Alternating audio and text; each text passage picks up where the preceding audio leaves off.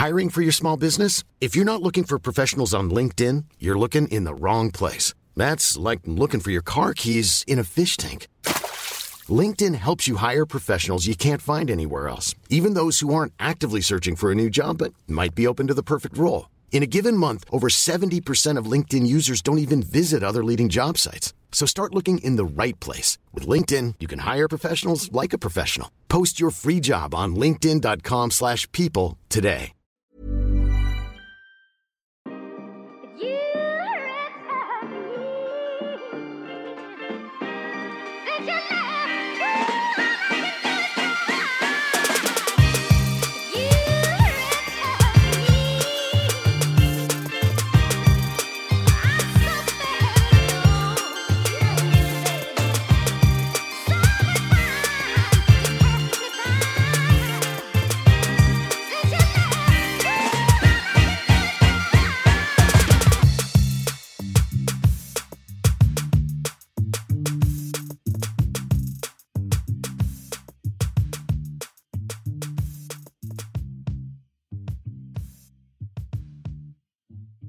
Innan. Vi kör bara. Vi kör. Det blir en till frågelåda här. Eh, en förinspelad variant. Ska jag ta fram... Opa, har du en fråga till mig? Det här är trick question. Nej, men du kanske undrar något om mig? om dig? Undrar du inte Eh, något om mig? Inte sådär som, det gör jag säkert om, om jag inte var put on the spot på det här sättet. Ja, okej. Eh, varför har barnet svårt att tränga ner fast man är öppen 10 cm upp och rör på sig? Alltså, Det är en fråga jag fått från en person. de behöver inte alltid ha svårt. Alltså att menar de bara för att det tar tid? Jag, jag tror, antar att det är en person där det har varit, för henne har det varit svårt. det kan väl vara att de kanske inte ligger optimalt? Eller? Mm. Att det är något som gör att det är svårt att rotera ner? Det kan ju vara supermånga faktorer. Det, det finns inget allmänt svar kan man väl säga. Ehm, det kan vara att eh, eh, livmoderns sammandragningar är inte tillräckligt starka av någon Ja, anledning. Ja. Kanske att barnet inte trycker mot cervix i tillräcklig utsträckning så att det blir det här um, liksom, vet du det, loopen av liksom starkare verkar och så vidare. Eh, det kan vara att som du säger att barnet ligger lite snett, kanske ligger asynkritisch med huvudet lite, lite snett eller om det ligger vidöppet och tittar åt eh, med ansiktet mot mammas Mage. mage. då. Att det krävs lite mer för nedträngning. Det kan väldigt ofta vara en epidural som gör att det är mindre kraft i uh, verkarbetet. Det kan ju också vara en aspekt i att man har en, en föreställning om hur lång tid det, Det ska var ta. exakt det jag tänkte säga. Att det kanske inte är ens lång tid, men att man börjar med åtgärder och känna sig orolig för att det tar för lång tid.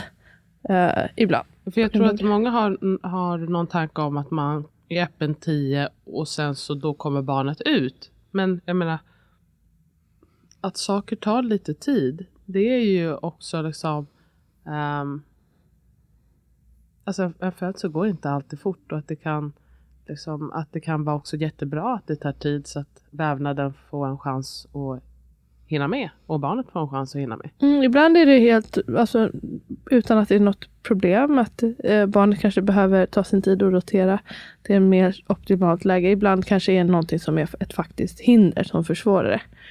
Um, jag tycker mer och mer jag hör det här med att folk har fått en, en ganska slarvig så här, diagnos av att de har för litet bäcken.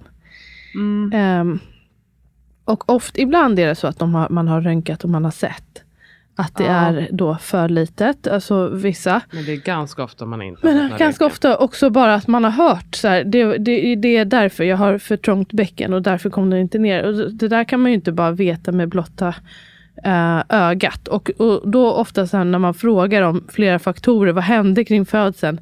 Hur såg verkarbetet ut innan? När stannade det av? Alltså sådana saker. Då kan man ju få fram att det ofta är väldigt mycket runt omkring också som potentiellt kan ha, ha påverkat.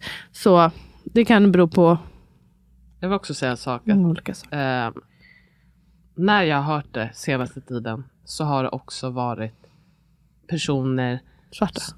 Ja, men som inte är vita. Ja, Alltså, det- Och att de har haft, liksom, när de har frågat, bara, aha okej är det så? då har det kommit fram också att läkarna sagt det baserat på att ja, men du är persisk eller du är från Subsahara. Du, Mm. alltså, du är inte av ariskt påbrå och därför har du ett trångt bäcken. Jag upplever också det mycket. Och det är med inte okej. Nej, och visst, alltså, om, om det är så att man har varit utsatt för svält så är det ju större eh, risk. Men det är ju knappast som att de vet om alla har varit utsatta Men snälla, de här personerna har varit eh, födda i Sverige och det är ingen som har frågat någonting om Nej, deras svältsituation. men man får faktiskt inte säga en sån sak utan att ha, alltså, då ska man göra en utredning i så fall. För Ja. det där, det kanske är någonting man säger som en liten teori för sig själv. Men det kan ju verkligen sätta sig ja, hos någon. Säg det för dig själv. Ja, Det så det. det, den, Om du där, är där måste man utreda. I de allra flesta fall så har man kapacitet att föda sitt barn. Alltså att man har proportionerna så att det går. Jag tycker tyvärr också att det är väl en av de farligaste, eller liksom sämsta grejerna som vården gör. Att när man får ett resultat som man inte är vad man hade trott eller som inte anses bra, att man skyller på patienten istället för att titta på vad var det vi gjorde. Ja, hur, kunde, hur påverkade vi? Mm. Mm. Ja, det här går väl lite ihop kanske. Du står så här, kan du inte du berätta lite om verksvaghet? Mm, Jag fick den diagnosen och det slutade med akut snitt. Ehm, ja, det fick jag det också finns ju... den diagnosen då första gången. ehm, hur många är det som diagnostiseras? Är det omkring 70 procent av förstföderskor som får det? Jag, jag, jag har inte siffran i- helt i huvudet. Men det är väldigt vanligt med verkstimulerande dropp och indikation verksvaghet. Ehm, och eh, det är i alla fall alltså en, en majoritet av framförallt förstföderskor. Och då kan man ju fråga sig är verkligen, det kan ju inte vara, Är det problemet är rimligt? inte livmödrarna som inte fungerar. 70 procent av fallen. Alltså, Utan det beror ju på såklart massa andra faktorer. Det, ja, jag lyssnar på det. Om, om, ni har, om det är några nördar, nördar, nördar out here. ehm, eh, så finns det en podd som heter The Midwife Cauldron. Tror jag det Eh, med två barnmorskor, australienska härliga barnmorskor som är, pratar om intressanta grejer. Om det är någon barnmorskestudent eller något sånt där så rekommenderar jag den. De pratade med en forskare en barnmorske, PhD-forskare om stalled birth. Och uh, um, det fenomen, fenomenet. Så här. Och det var väldigt intressant och då pratade de om de här olika så här, mjuka faktorerna som spelar in. um, jag tror det är Märta Kullhed som brukar säga, Föda som brukar säga att det är vården som är verksvag och kvinnor är verkstarka eller vad hon brukar säga. För det är eh, en, ett tydligt sånt exempel som många känner till och många inte känner till också. Att det här med förflyttningen att verkarna avtar för man kommer till en ny plats. Det kanske är en plats där man rent logiskt känner sig trygg men ändå. Det är en ny plats, man måste ta in nya människor, ny information nya intryck, nya dofter. och förloppet är känsligt. Ehm, så det kan vara en sån sak och då kanske man låter det ta tid eller så får man åka hem igen eller så börjar man pusha på det. Och det i sig, alla de här sakerna i sig kan leda till också att det fortsätter eller ja, inte fortsätter. Ehm, Får man gö- göra en gång till en riktig oblyg plugg till våran kurs. Mm. Hypnokurs.se. För där pratar vi om alltså just konkreta tips på vad kan man göra liksom i situationer där det är vanligt att det stannar av eller känns jobbigt. Typ som ah, när man ska sätta sig i bilen eller när man kommer till sjukhuset. Och att man får konkreta tips på hur man kan liksom skapa förutsättningarna för att kroppen ska känna sig trygg igen så att verkarbetet kan komma igång. Mm. Ehm, men det är så mycket som, runt omkring som kan eh, påverka det här. Eh, hur kroppen jobbar. Alltså att det är ju som du säger att man behöver optimalt en, en trygg miljö ehm, för ett effektivt verkarbete. Och man har också den här tidsaspekten att det, att det ska gå under en viss tid, det ska gå i en viss hastighet och att därför kan den här diagnosen läggas Lite, Lite för- förhastat. snabbt. Ehm, så det är väl det. Sen så kan det vara, sen så är det väl en, en liten del som har av någon anledning där eh, livmodern inte kommer igång. Men oftast är det något Det skäl också till det. Liksom, det Man behöver vila. lite vila men också ibland har man ju, har man ju varit igång liksom jävligt länge och mm, alltså livmodern är ju, alltså muskler är muskler och muskler kan bli trötta. Så Mm. menar, är du inne på dag tre, då är det också inte så, det är inte att din kropp är kass på något sätt. Men jag menar, man kan, alltså, muskler kan bli trötta. Ja, verkligen. Och då, liksom, eh, det är, svag har så negativ eh, klang tyvärr. Eh, men att, liksom, att vara trött är inte fel. Nej, och här tycker jag också hur förlossningsvården är uppbyggd spelar verkligen in i ehm, det här med att eh, man blir, det har vi pratat om förut, man blir inpräntad att sjukhuset är det absolut säkraste platsen men du får Mm. inte komma in till sjukhuset när du vill. Du ska vänta tills det har kommit igång till ett visst skede. Men det kanske är svårt att komma igång när man känner att jag är inte där jag ska vara. Eh, och så, så blir man 22. jättetrött. Man kanske kommer in, får en sovdos, kanske stannar av lite. Ehm, fram och tillbaka. Sen så kommer man in till slut helt utmattad och får diagnos verksvaghet. Typ. Ja, Ehm, när om du hade kommit in, att du fått vara där du skulle föda från början eller tidigare. att det hade så kunnat bli kanske- något helt ja, annat. Precis. Precis. Och eh, samma här. Är, ehm, att det spelar förstås in om man har någon tung bedövning eller inte. Alltså Mm. det är inte heller som att det kommer helt utan konsekvenser. Kontentan vill jag bara poängtera att det är sällan att det är något fel på din kropp. Ja. Liksom. Eh, För jag tror många kanske, eh, alltså man läser och så tänker man, aha, jag kunde inte riktigt föda fegermaskin. Nej.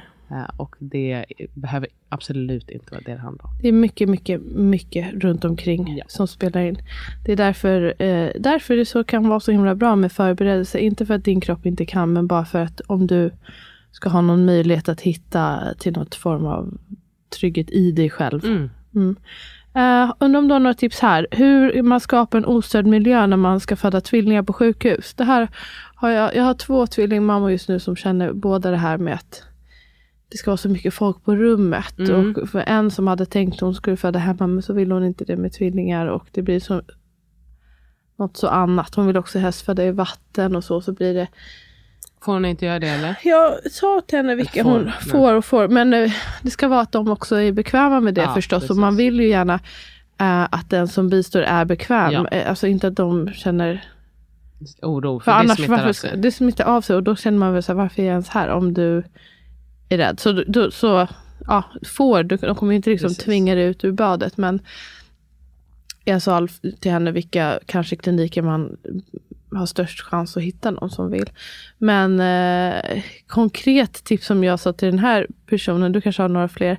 Men om man eh, dels eh, kan vara vänd eh, bort, alltså om man har en, en ställning där man kanske tittar eh, in mot väggen eller liksom att man inte tittar ut i hela rummet och man kanske har kontakt med en person, sin partner, sin syster eller vem som ska vara med och fokusera, lock in på en. Mm. Och att de också är förberedda med att ha sagt, eh, kanske i förlossningsbrevet eller om man skriver en lapp på dörren att ehm, det är viktigt för mig att känna mig ostörd. Liksom, ni behöver inte prata med mig i onödan. Ni kanske, man kanske inte behöver hälsa på mig Ja. eh, så fort ni kommer in. Det är okej ändå. Alltså, och det är också gjort ofta av välvilja, men det kan störa.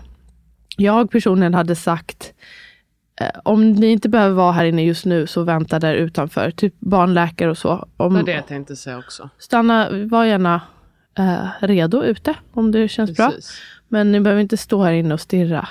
Nej, och, och känner man att man har, alltså, man har förberett sig med det teamet som man känner sig trygg med, då kan man ju säga det att vi, vi, vi ringer på hjälp när vi känner att vi behöver hjälp. Mm. Ehm, och eh, alternativt säga då att här, det räcker med en person i taget här inne tills liksom, det behövs fler. Så att säga. Precis. Det är framförallt eh, när barnen är ute att det ska vara personen som har ansvar för barnet också. Då är det ju eh, många. Men Då är ju också när barnet är ute ändå.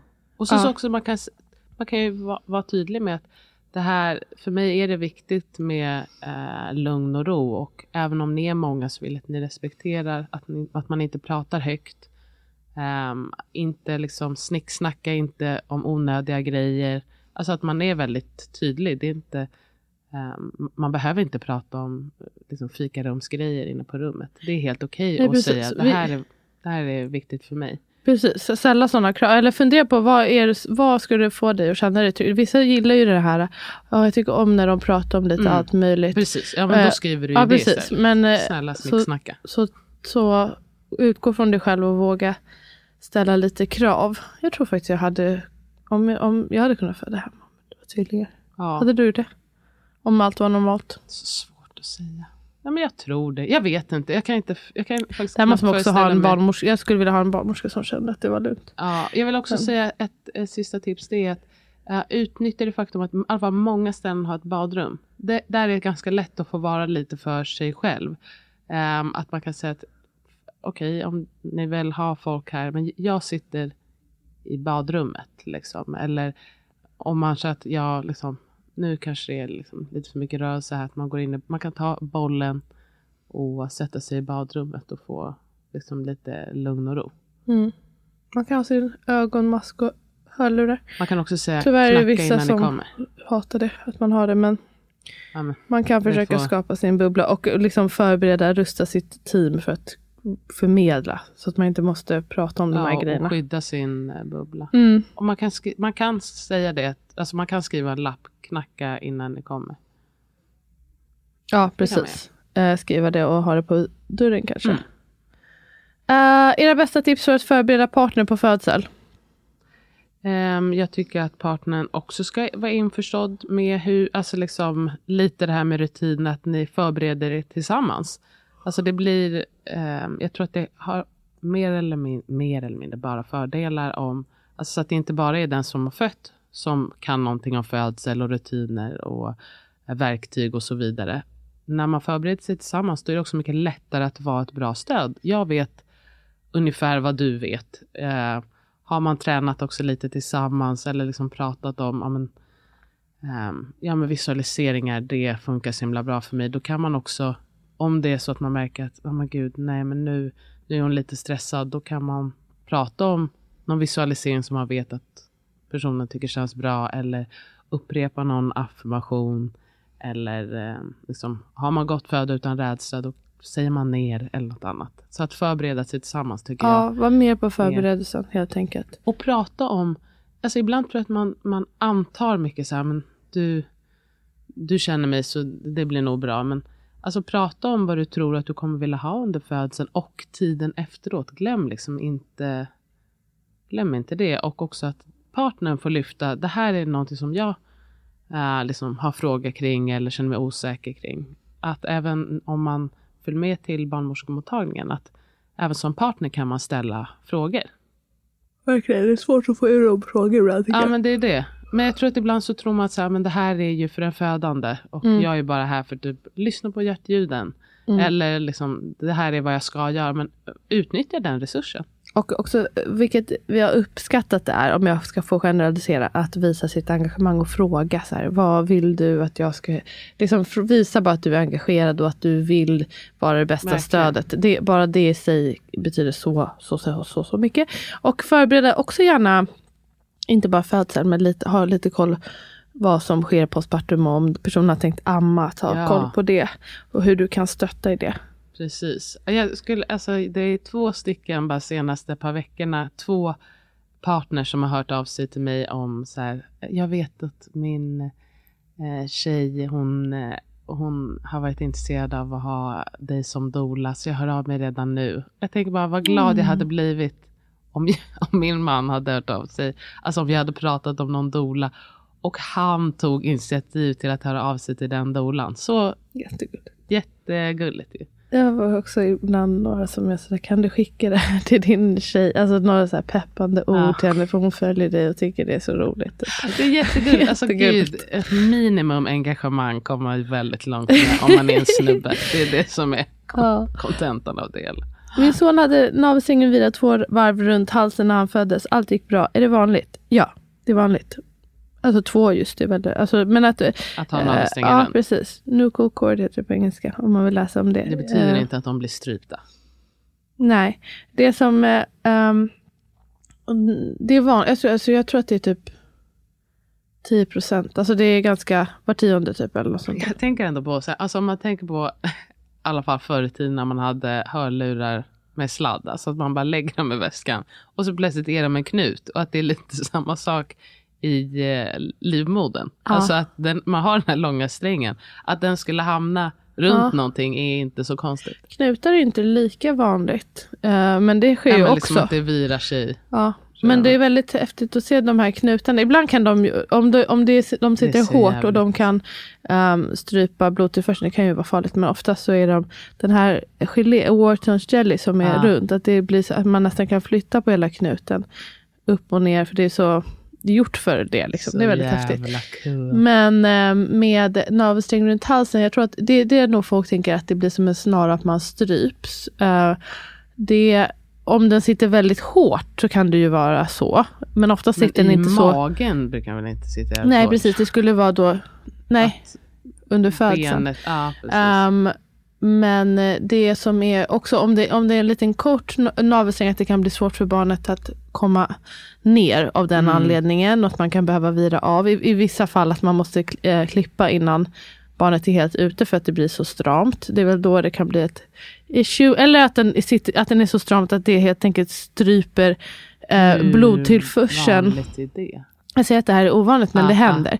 Det är ovanligt. Alltså det vanligaste är att den bara har navelsträngen runt halsen, man lossar navelsträngen och det är fine. Ja, livet går vidare. Mm. Ja, jag tänker bara de instances där det är ett issue. Jag vet att jag har en vän, vi har en gemensam vän, Jinan. Mm. Hennes eh, lilla, lilla pojke som är så petit Alltså, och var gullig. petit när han föddes men hade en otroligt lång navelsträng. Han hade den fem varv runt halsen. Överdrivet. Ja, de bara tjoff, tjoff, tjoff, tjoff och det gick bra.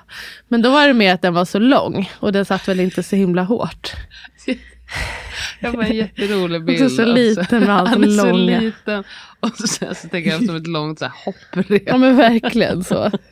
Ehm, jag fick också någon fråga om navelsträngsruptur. Jag tror vi har pratat om det tidigare, om, om det är vanligt eller så. Alltså, det är väl inte, alltså att den navelsträngen går av Redan i i magen. förtid. Nej, alltså Nej, det brukar ju vara då efter barnet är ute. Men, ja. Och oftast om Ser navelsträngen är kort lite dramatik ut. eller, eller tunn. Ja, och det blöder. Och det är ju inte optimalus för att det blir som en tidig avnavling. Mm, men precis. om man stoppar, vad- man gör ju någonting, man låter ju inte bara vara. Utan man klampar. Ehm, men Men ser... personen frågar, är det risk att det händer igen? Jag, skulle, jag, vet- jag vet inte hur det där är med så här, har man en gång haft en kort navelsträng, får man det igen? I don't know. Det, jag tänker att det är samma som med barnen. Vissa är väl lite större. vi- Vissa får större barn, då kanske de också får, jag vet inte, ibland, ibland inte. Ja, Eh, det man kan tänka heller, Man har på, gjort mycket studier om. Det man har gjort studier om i det här med vattenfödsel och den risken som man har sett ehm, är att det är ökad risk för just uh, navelsträngsruptur. Mm. Och kanske för att man då ska få upp barnet, att man har lite för högt vatten, ska få upp barnet ovanför ytan och kanske ta, går lite Om för snabbt. Lite snabb. Mm. Kanske att vattnet också påverkar navelsträngen på något sätt, ja, om den nu hinner göra det. Så konstigt. Nej, jag vet inte vad det beror Alltså, på. Men det är det, också, den har ju legat i vatten hela tiden. Då att Det är sant. vattnet utan. Det har, du helt rätt. Nej men det är något bra att veta just när man, jag, jag tänkte på det ändå. Bra att veta när man ska föda i vatten. Att Ja. det här, tänk, du behöver inte göra det så hastigt. Nej, och behöver Och, inte eh, ha vatten upp till hakan. Nej precis. Det är väl ingen som har vatten upp till hakan. Men Och om navelsträngen är kort istället för att rycka så hellre då ställa sig upp. ah, Eh, tips på doula i Göteborgsområdet. Um, queertility. Någon mer? Eller bara Det är den enda som jag kommer på i Göteborgsområdet. Tyvärr. Nej, Göteborg. Förlåt. Är den så högt upp? Nej, han kanske är längre ner, närmare Skåne. Skåne har väldigt många i alla fall och Stockholm har väldigt många. Tyvärr, vet du vad? Eh, det kan jag gärna säga. Om du är doula och jobbar i Göteborgsområdet så får du gärna eh, höra av dig. För jag får ibland frågan just om har du tips på doula här eller där. Ehm, och eh, då kan Ska jag jag berätta? tipsa om Det kommer en rolig sak. Jag ska prata med dig om det sen också. På. Um, angående det. Påminn mig efter podden. Aha, gud, Ja. mer roliga grejer. Ja. Vad spännande. Eh, en fråga, är det normalt att må fysiskt dåligt av att sluta amma? Jag är skakig, trött, illamående. Alltså normalt, ja, jag skulle säga normalt. Vanligt kanske inte, men absolut. Illamående, Jag visste inte det. Illamående, vissa har ju också det här med illamående under amning. är också ett thing. Det tror jag att jag har hört talas om. Mm. Eh, Men eh, och det, handlar, det här är också inte så här forskat på väldigt gediget, men eh, det handlar väl om en hormonomställning. Men också, som man pratar väldigt lite om, är att man kan få depressionsliknande symptom av att sluta amma. ja. Och det Ehm, bruk, men det brukar vara övergående. Ja, precis. Ja. Det är inte livet ut. oftast, Nej men jag menar det är inte så att så här, och sen brukar man vara deprimerad i ett år. Nej, Nej. utan att det är kopplat till det. Men, och det kan ju vara dels eh, liksom, det emotionella i att sluta amma förstås, Mm. men också rent fysiskt att det kan ehm, ge, och det är något annat än det här DME då, dysphoric milk ejection reflex som är att man får ehm, de här starka känslorna av ja, men, När man, men när, när mjölken rinner till och inte under hela amningen. Det är något annat. Och sen så finns det också amningsaversion, den här känslan av att man blir nästan äcklad, det är obehagligt. Det är, man blir, kan bli arg, ilsken under hela amningen och det går över när barnet um, liksom släpper bröstet eller slutar pilla på bröstet. Men det kan också vara när man väl slutar ha avslutat amningen. Ja, det kan man få. Jag kan må väldigt Ni som inte har dåligt. ett lite äldre barn, de älskar ju att pilla på det andra bröstet. Det är, som att det, det. är som att det är gjort för att man ska pilla där. Antagligen finns Ja. det någon, alltså att det ska driva igång mjö- mjölken. För det är ju hela tiden, alltså ger inte upp. Bara fortsätter försöka, fortsätter försöka. Nästa Ja, gång vi poddar väldigt, för övrigt. Ja förlåt. Strikt med det där. Nästa gång vi poddar då Har du slutat amma? kom nattamma, inte helt, alltså, utan, men då. Jag med. jag har ammat hos dig så jävla länge nu. Det är så sjukt. Ah, nej men då har jag för, precis i- alltså i natt, bara för att han bet mig, då av ren princip så fick han inte ammas till sömns. Mm. Eh, och det gick. You better learn. Ja.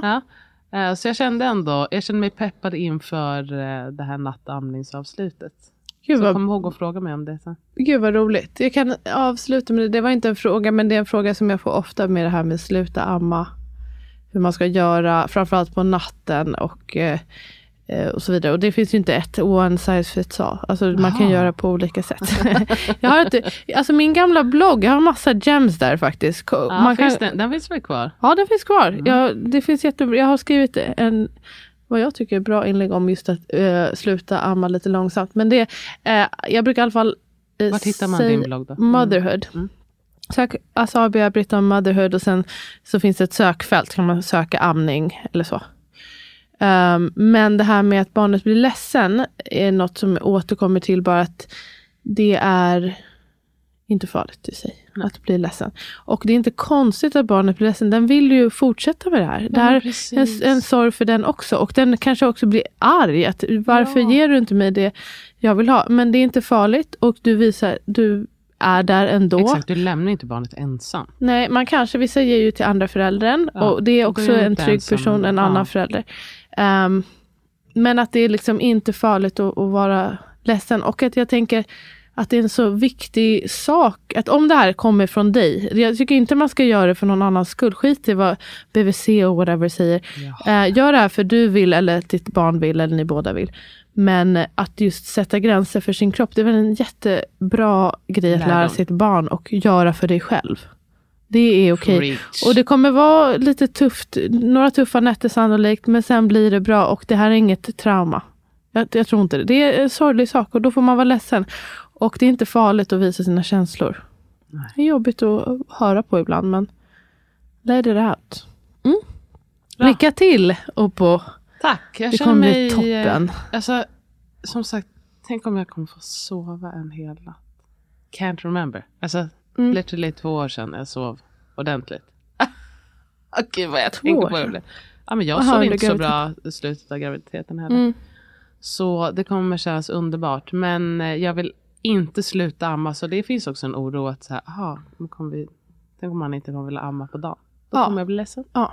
Och det Men, kanske eh, blir så, men det, det, går det är ju för de flesta fullt möjligt att amma lite grann på dagen, även om man slutar Ja, på möjligt. natten. Men jag hoppas på att han ska vilja. Ja, precis. precis. Och om, om det inte går så blir du ledsen. Men, Ja. ja. men jag Men tror jag att han det kommer vara up for it. Han är ändå Han gillar det där. skarpt. Ja. ja, jag hoppas. Ja, det ska bli spännande i alla fall att se. okej, tack eh, gummor och gubbar. Jag pillar på min navel. Det ser jättekul ut. Och att du har tre tuttar just nu. Ja, mina, jag vägrar köpa en ny bh. Jag ska ge dig en, komma på. Det var det jag skulle göra. Okej, Okej ja, guys, puss och kram, hej då.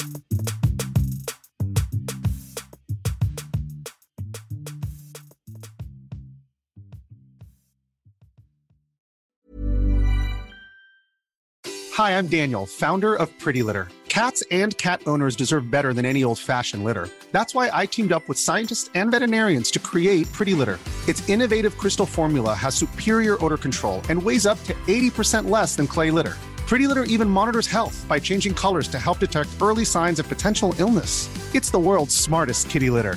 Go to prettylitter.com and use code ACAST for 20% off your first order and a free cat toy. Terms and conditions apply. See site for details.